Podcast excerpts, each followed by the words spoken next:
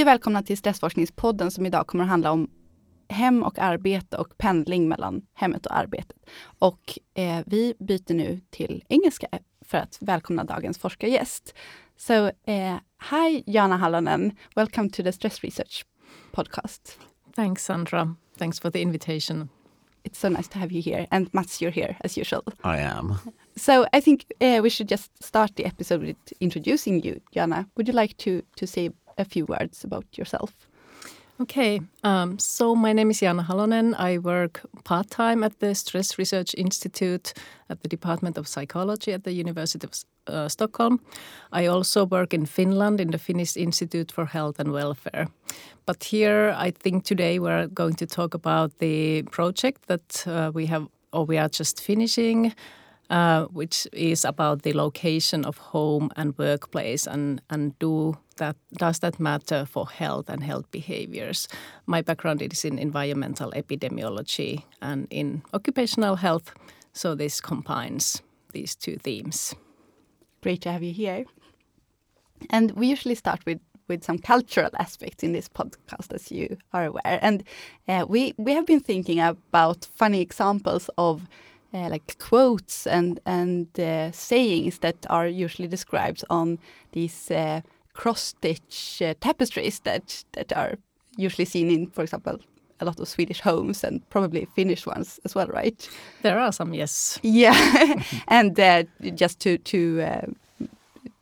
I mean, what we mean are the so-called bonader. Um, and before we start talking about your research, I would like to hear some some uh, quotes that you you think are related to this theme. Like I I think the um, the home is very frequently mentioned. For example, when we when we think of this, I immediately think of the quote "hem ljuva hem," which is or like "home sweet home," which is probably found on like every other uh, tapestry. Um, do you have any favorites? Well, um, I found one when I was um, going through um, few few of the uh, web pages and stuff where also I, I could see the, these in Swedish and it says that ett hem och det är gott är livets bästa lott. And I think this is very, very true for many of us. And so if your home is nice, then that's the best place to be at. Yeah, definitely. I, I also found that one and, and also thought about this one before before getting here. Uh, Mats, do you have any favorites? Well, I well? also think about homes, uh, obviously more than workplaces, but yeah. egen härd är guld värd. Yeah, yeah, that's true. That um, maybe applies also to work in a little bit that that people really want to sit in in their own offices if they can, rather than in this this uh, open spaces. Yeah, that's so true. Maybe it's the, you, you want your little area, even though it may be empty for a long time when you travel or do something else. Could that also refer a bit on the control, job control, that you can have some say on what you are working on? Maybe uh, I could even try to make that sort of a link to the working life. That is that is true. I think it's kind of of safety also like social safety when, mm. you, when you have your place with your things and you know where you sit where you're going to sit yeah the the, the obvious uh, downside of that is that uh, offices especially after the corona epidemic is that or pandemic is that that uh, workplaces are kind of not only expensive but also empty actually mm. which is like awful to see still, I, have got a very small one at Stockholm University now, and I like it a lot. It's really small, but I know that I am often at other places for meetings or whatever I'm I'm doing. Yes, uh, we can see the same thing. I think overall, um, the Europe, and uh, it's sad to see empty oh, business really? uh -huh. spaces yeah. Uh, yeah. and these office buildings. But hopefully, people will also start to get back to work and start to commute actively and also that way improve their health. Yeah, that's actually like another thing that we are planning to talk about today, the, the commuting. So uh, just a small round before we uh, start with the research questions. How did you all get here today? Jana, how did you come here? Well, I had very multi-mode commute today. First, uh, my partner drove me to the airport in Helsinki. Then I took the flight. Then I took the Flygbus, and then I walked to the university from the bus stop. So I had many different modes. And quite today. a walk. At least a 20 minute, I would guess, or Yes, but I like being much, active. And and how doesn't sound how much. long did you did it take you to get here? It was about four hours. So that's probably longer than it usually takes. Yes, much longer than, commuting. than usually, and that that is quite a commute. Uh, I hope no one has to do it daily or even every week. No. What about you, Mats? Yeah, I biked here. It's it's very snowy now and quite cold, but I dressed up properly. And yours, Sandra? Yes, I, I, I took the tube today because I had to drop my son off and then get here. Uh, and I, I I mean I usually either go by by bus or tube or bike to work with my electric bike because Oh, the distance is quite oh, far. But it's really nice. Um, and like I, I've been thinking about this because like the easiest and quickest way for me at the moment would definitely be to take the car from our home to the hospital where I work. Um, and but like I can't really do that. Uh, I realize because like if I bike, then I at least get some, you know, like physical as- exercise and feel good for that. Or if I go by public transport, then I can do some work while being um, like on the way. Why, like, whereas if I sit in the car, then I can't do anything. So it's kind of a waste of time for me, uh, even if it's easier. Um, so yeah. And you can't relax. You can't use the no, time to kind no, of. definitely not. No, Because you have to I'm- like look at the other drivers and try to be safe in the traffic. That sounds better. Good choice. Yeah, I guess so. Yes, and definitely invent, environmentally also, it's Yeah, that's so much better Yeah. if you yeah. don't need to drive yourself. No, exactly. Even though we have an electric car, I have to like.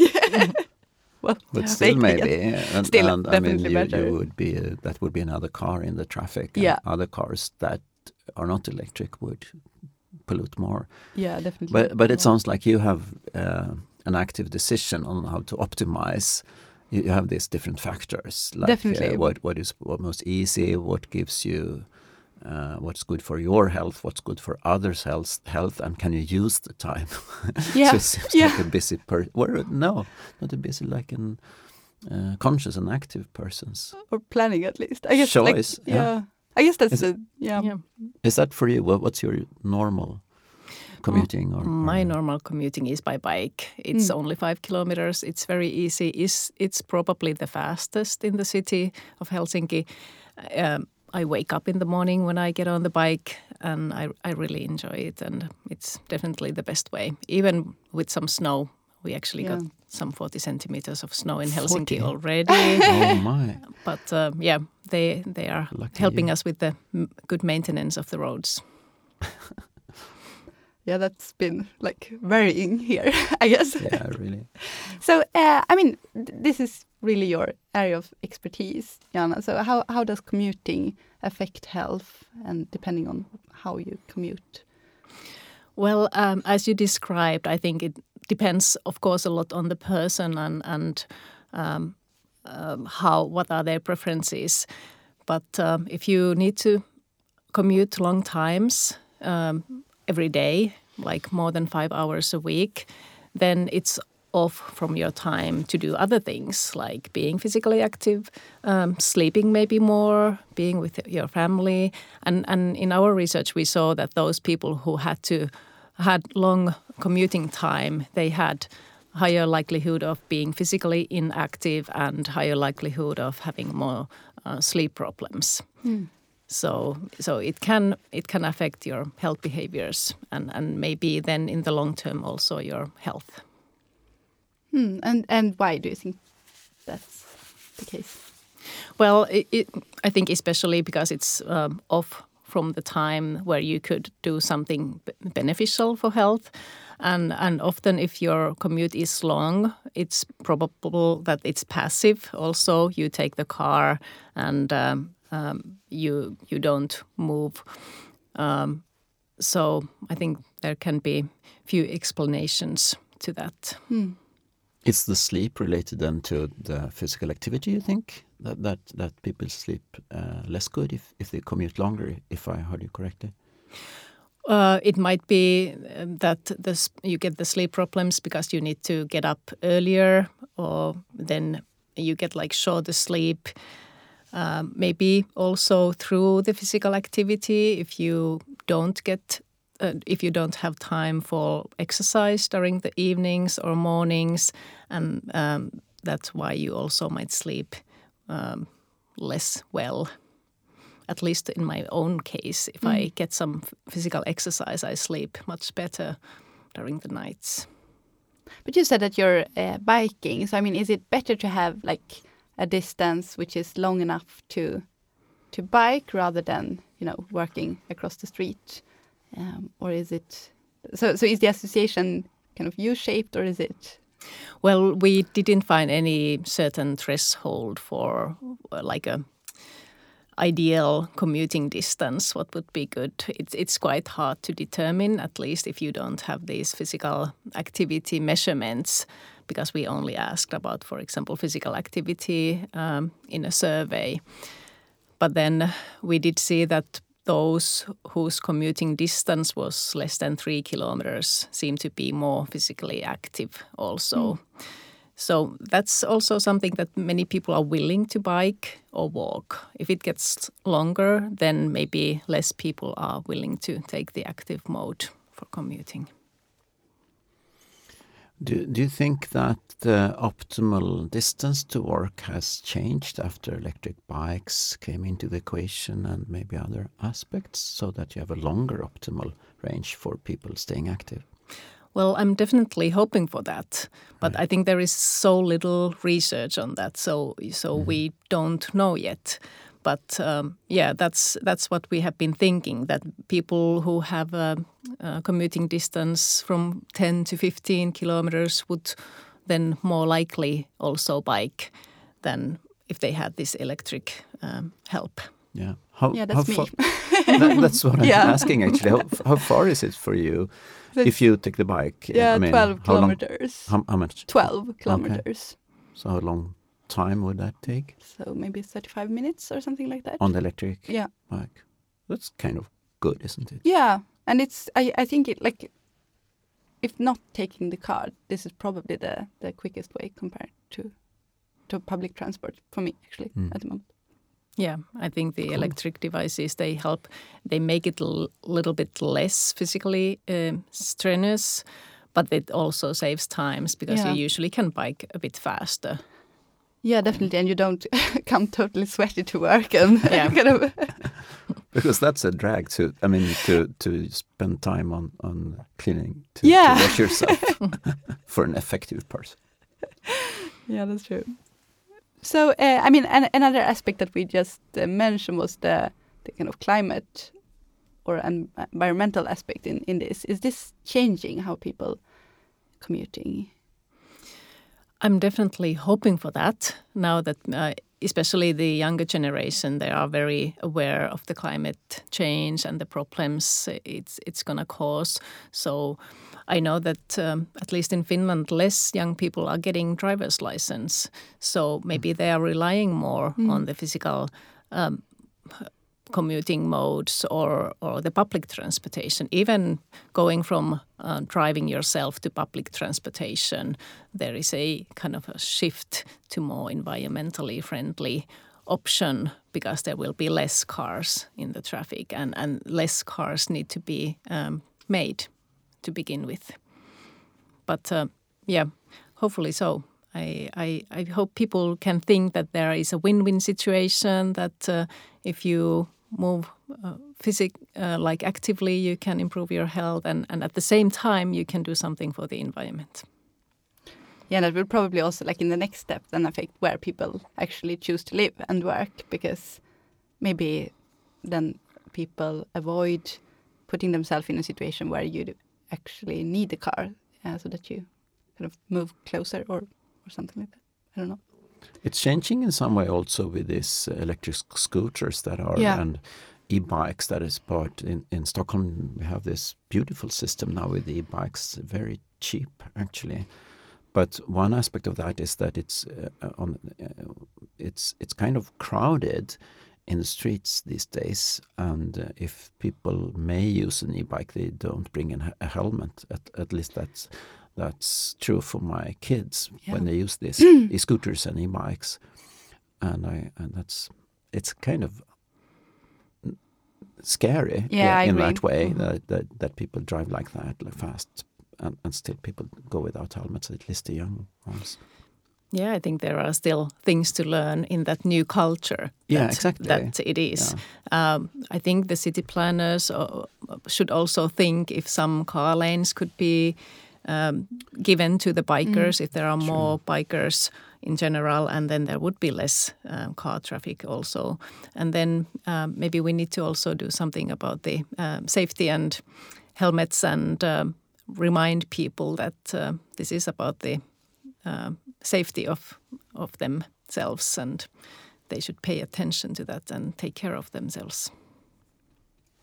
Yeah, we, we also mentioned this aspect. I mean, at least I do some work while commuting. Um, like if I sit on the tube or the the train, I I do some writing or some emailing or calling or or things like that. Uh, and that's not completely a new phenomenon. Uh, Mats you have a favorite example from uh, stress research yeah. researcher perspective? Yeah, I do. Um, a, a, little bit of a favorite, at, at, least in in terms of writing, and that is Robert Sapolsky, who is a kind of famous, I would argue, for research on glucocorticoids and uh, social relationships uh, in primates. He, has been doing a lot of research on baboons and uh, hierarchies, social hierarchies, and effects on, on stress uh, processes, etc one can wonder how, such a person can release that many and publish that many books and essays and research articles. And I learned uh, when I read an interview with, with him that he actually is doing all that kind of writing during his, his commuting between wow. San Francisco and Stanford University. So he's got mm. one hour in each direction. So he he limits the the, the kind of extramural uh, the, out of the university um, business writing to these two hours, and he says he's completely addicted to to that one. Yep. Uh, and uh, moreover, I, I, think it's inspiring to hear what he says about. I will actually quote a few words here from this interview. So he says that. I, I read very broadly and very shallowly science outside my, my own area. So it takes in a lot of, of things. So just a huge array of areas that I'm sort of tapping into and just read like crappy contemporary culture stuff. Uh, I'm completely obsessed with People magazine. It, it's the most fabulous source of material for science articles. and People's magazine, that's like a celebrity and lifestyle magazine. And uh, this really heavy intellectual thinks that that's a primary source of uh, inspiration and actually uh, sparking ideas. And, and moreover, uh, he says like, I'm fairly socially disconnected. I'm an academic. All I do is work and that sort of thing. So I have no idea what's going on in other uh, out uh, going on out in most of the world out there and culture. So People magazine allows me to recognize like the names of the most important humans on earth for the next 10 minutes and lets me understand why they're broken up or being why they're a new ambassador or such things. Uh, and it just it gives you sort of an anchoring for cultural references and stuff. I think that's kind of neat to hear. It's yeah. like a strategy to be less nerdy and less geeky. Yeah. And also he uses it mm. for not only for fun then, but also obviously to get ideas to write essays in in the New Yorker or whatever it he writes. I don't remember Times maybe. That is indeed quite inspiring. do, do, you, do you think so? Tell tell us. Yeah, well, um, I've been doing that a bit myself. Uh, I mean, the working and writing. I, I, think if I take a train from Helsinki to Kuopio, where is another office of mine in Finland, the train is about four hours. And it's so good time for writing and reading because then uh, the internet is not always so good, so you can't get the emails through. So you can just block all that um, hassle and noise from from the emails and and uh, Teams messages or whatever, and focus on the reading and writing. And and that example is very good. That even in an hour you can get things Yeah. done. Yeah. I actually I was forming some research ideas on the plane on the way here. I was using pen and paper. Not I didn't even open any digital devices the old-fashioned So way. So you think that it was more? Was it not only a time that you could use, or was it also inspiring in some way that the the context was good for this kind of thinking? Yeah, well, I think for me it was like, well, I don't have anything else to do now. Now I can really think of this idea like in peace. And that was that was very nice. Like your own time. I think people can have the commuting as their own time. Some people maybe not want to work, but they want to read or listen to something and, and have this moment to detach from work before getting home to the home course um, and all that. So, Yeah, I think that's really a good point, and Yeah. and like because as I said, I, I usually try to work a bit, but when I work clinically, I definitely do not work while commuting. But I have this other like thing that you described that I try to detach from what I've been doing the whole thing. So it's perfect to have like thirty minutes before. uh, From from leaving work to picking up kids at preschool, for Yeah. example, because like, I mean, you you do a lot of things that are quite um, well affect you in one way or another when when you work in the clinic, and then it's it's really nice to listen to the radio or do something completely else before you start to deal with family issues. So you try to detach or, and to kind of Yeah, relax and, yeah. and get off. yeah, Oh, that's cool. Can I give another example? yeah, sure. because uh, the the the one is actually the the content of your thoughts when you have time like that, and and in my example, I then also well, as I said, I listen to podcasts or but but or this time I, I made decisions, and uh, or I mind wander, but once in a while also work, so I actually decide what to work on, and work is then thinking of solutions or um, uh, brainstorming about ideas or things that I, I, I how to do things. So I, sometimes I, I really decide how to use the, the bike ride time. Uh, but I also can get in a mood that is so good for getting new ideas or to absorb new material. And I thought of it today actually when getting here with a bike uh, when I was studying at Stockholm University. Uh, Stockholm University was the end station, I think, at that time for for this tube line. So I, but sometimes when I studied here, um, the, I got so like in the perfect mood that I felt that like the material was just copied into my brain. so once when I got here with the, to the end station, I felt no, I won't leave this perfect environment.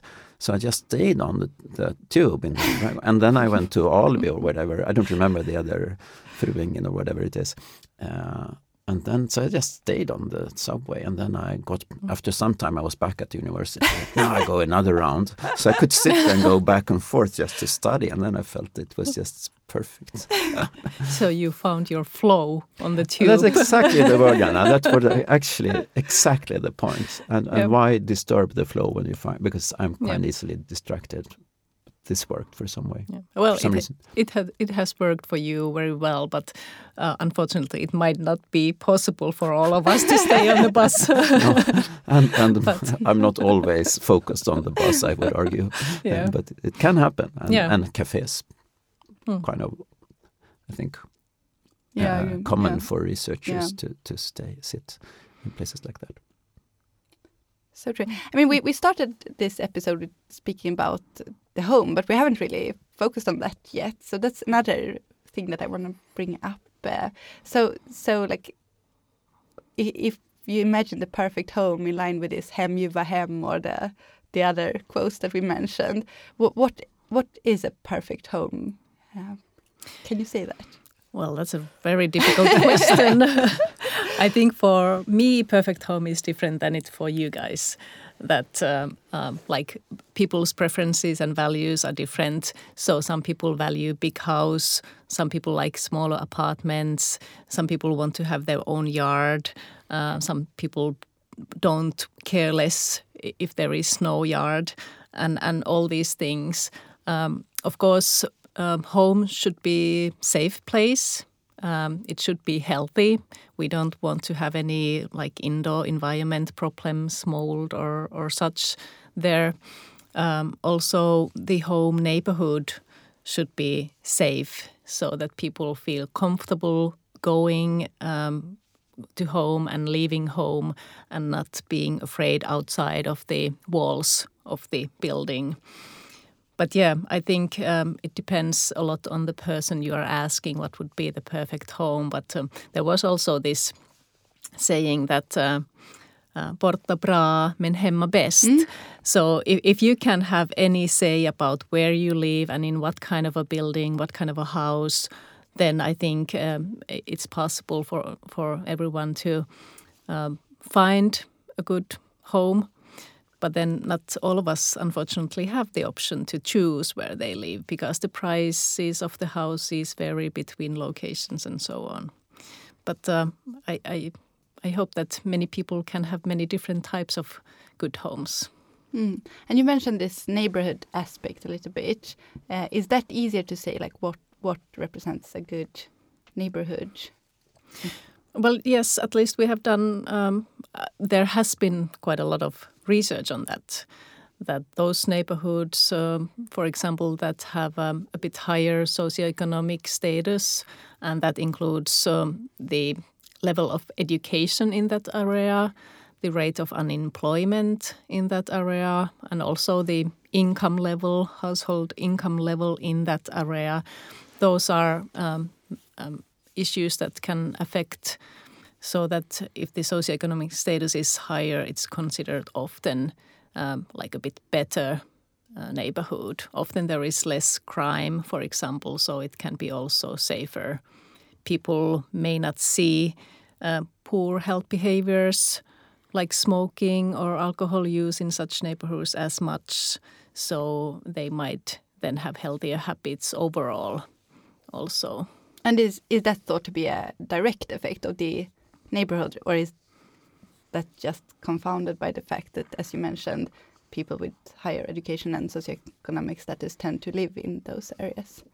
We have seen that they both have independent effects. So one's own socioeconomic status has, of course, um, it explains a lot of people's behaviors and, and health. But in addition to that, also the neighborhood level socioeconomic status has been associated with poorer health behaviors, for example. Hmm. Is that uh, like a statistical independence, or can you see that they seem to be independent factors from following people over time when they move or something else? We have actually done few few studies where we we saw that people moved from or they were living in two time points in two different neighborhoods. For example, if you moved to a neighborhood that had um, lower socioeconomic status compared to your previous neighborhood, your um, likelihood of quitting smoking was lower. Oh. So, so um, there is some longitudinal evidence about this as well. Hmm. And can you compensate for like the the neighborhood where you live through having another neighborhood where you work or where you go to school, so to speak, or is like what, what's mo mostly most important? well, we try to figure out in in our project exactly that. That does also the location of the workplace matter because um, not many studies have been done on the workplace neighborhoods. And, and we actually saw something surprising, for example, regarding the alcohol use, that if you worked in a high socioeconomic status neighborhood, your um, risk of alcohol use was higher hmm. than if you worked in a lower socioeconomic uh, status neighborhood and, and we, we thought that it might be that those are some central areas where availability of alcohol is good, or or maybe there are some work cultures.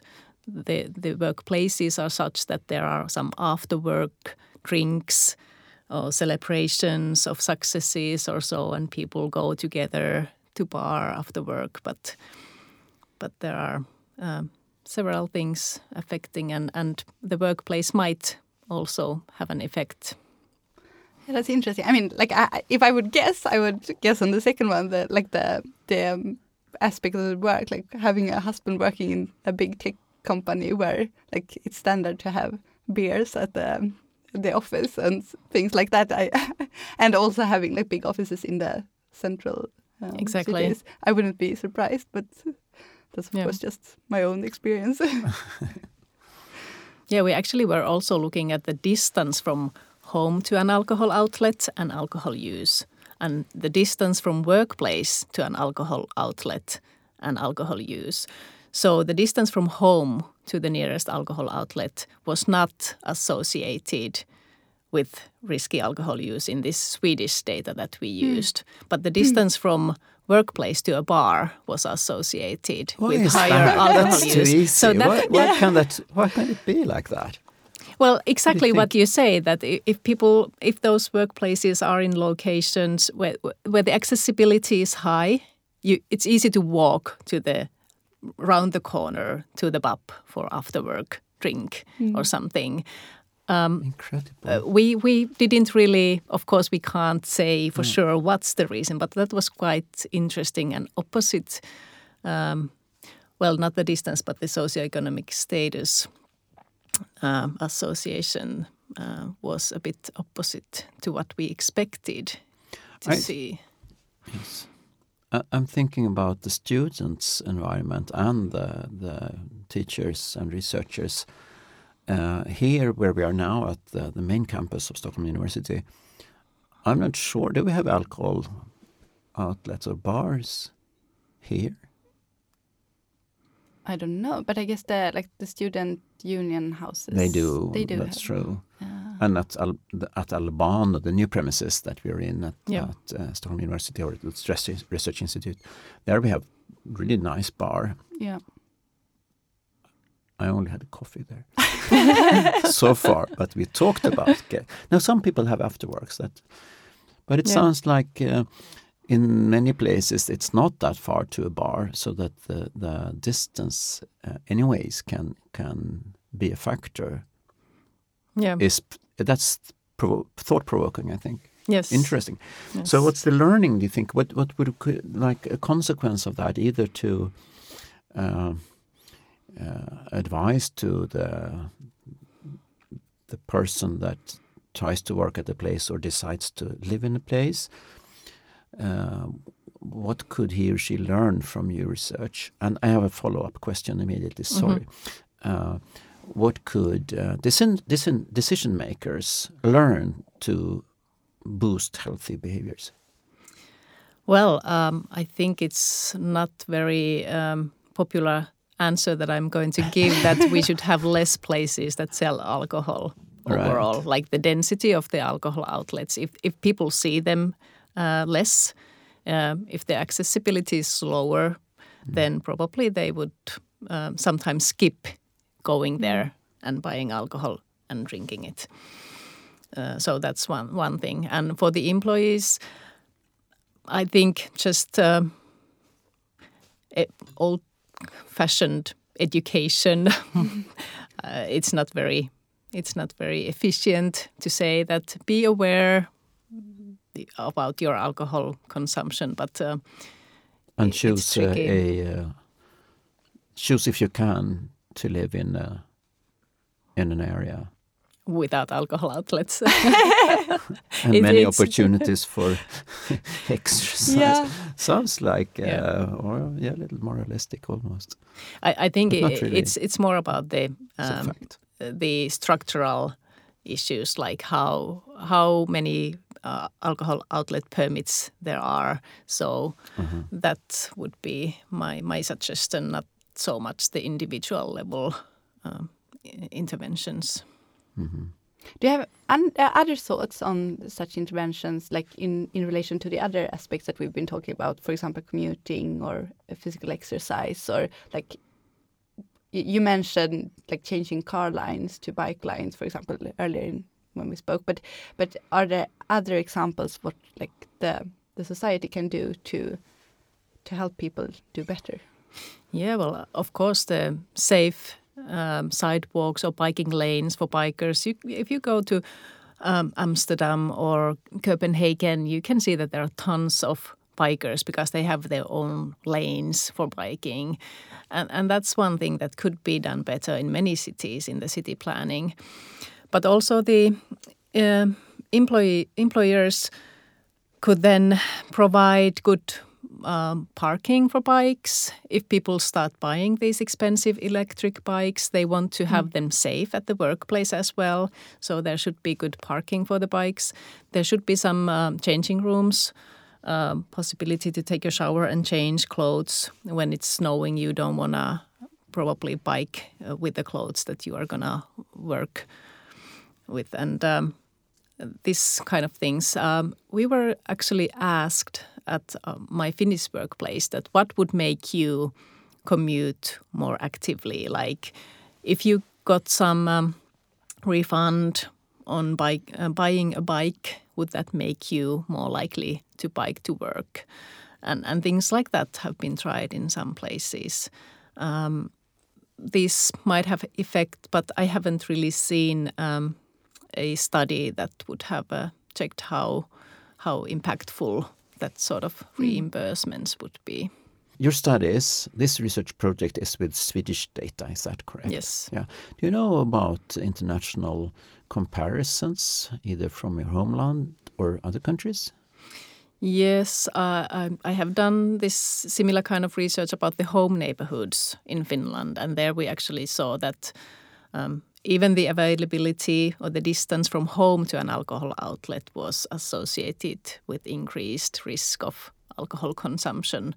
And if the distance got shorter, then there was also uh, increased risk of um, risky alcohol con- consumption. But that we didn't find in the Swedish data, only for the workplace. We, we observed that. Um, and there are also of course, lots of other studies about the socioeconomic status of the home neighborhoods from other countries that show that lower socioeconomic um, status of the home neighborhood is associated with the poor health behaviors. Um, also, accessibility to sports facilities um, has been linked to physical activity and, and uh, body mass index so that if you have more sports facilities or if you have a shorter distance from home to sports facilities, you have a, a greater level of physical activity or um, lower body mass index. Hmm. So that they are also beneficial.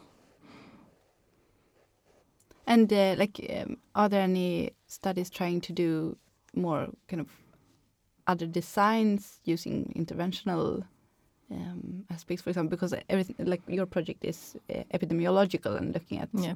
um, uh, like already collected data uh, here from Sweden. Are there like intentions to to well do something more interventional? Uh, I think there are, and then there are some uh, natural interventions where, for example, an old train track has been transformed into a bike lane, and mm. then they have studied whether the um, commuting mode of the people living in that area is changing, and that sort of uh, things mm. I'm aware of. But um, I think the epidemiological studies uh, are the majority uh, currently still. Hmm. Really interesting. Mm-hmm. Um, before we end, do you have any other like really interesting thoughts or findings that you want to share with the audience? Well, I, I think we we already went through the main things that the um, workplace neighborhood says was associated with with drinking, um, the long commuting distance and long commuting time were associated with uh, more sleep problems and less uh, physical activity. Uh, we didn't see much for the sports facilities because we were also trying to see if the distance from home or from workplace to different types of sports facilities is associated with the frequency of um, inactivity. But um, it was uh, less clear if there was anything going on. there was some indication that if from workplace your distance to a paid outdoor physical activity facility was longer, then the you were more likely to be inactive. But I think we need more more longitudinal data for that uh, research and uh, then more studies maybe also from other locations than than Sweden. There has been a great interest in recent years uh, about natural experiments, and I think the Nobel so-called Nobel Prize to the memory of Alfred Nobel in economics was given to people investigating natural experiment, so-called natural experiment. Something happens, and you see it as almost random or non-controlled, and check on the effects on this and that. So I'm obviously thinking of the pandemic. Uh, if yeah. you did data collection during pandemic, the pandemic, or if you learned something in this perspective from people actually really changing their work situations.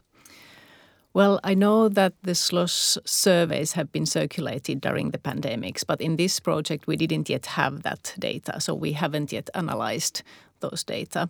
But uh, what I have um, experienced um, from Finland and also from Sweden, many people started remote working at home during the pandemic because they were uh, suggested to stay at home and, and work from there if possible.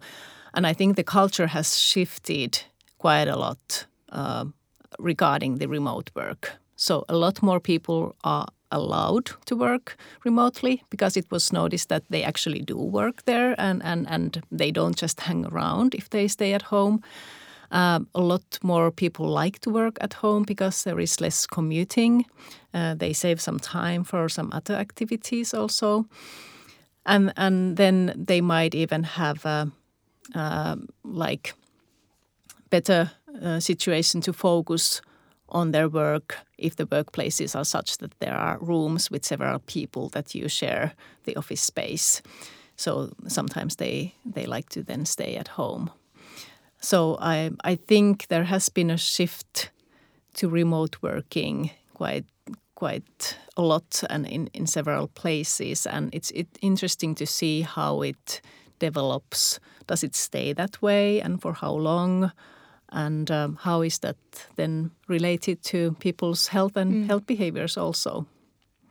So that would be really interesting to and to follow. I'm looking forward to, to follow your research then when you can analyze the effects or the putative effects, I would say, of the pandemic on the factors that you study.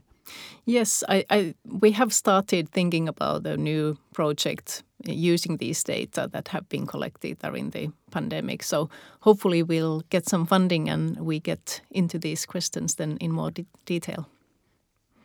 Sounds great. Yeah, with that, I think we'll um, end for today. So thank you so much, Jonna, for joining us today. Um, thank you. Thanks Thank for the nice discussion. Yeah, and thank you, Mats, and see you all soon.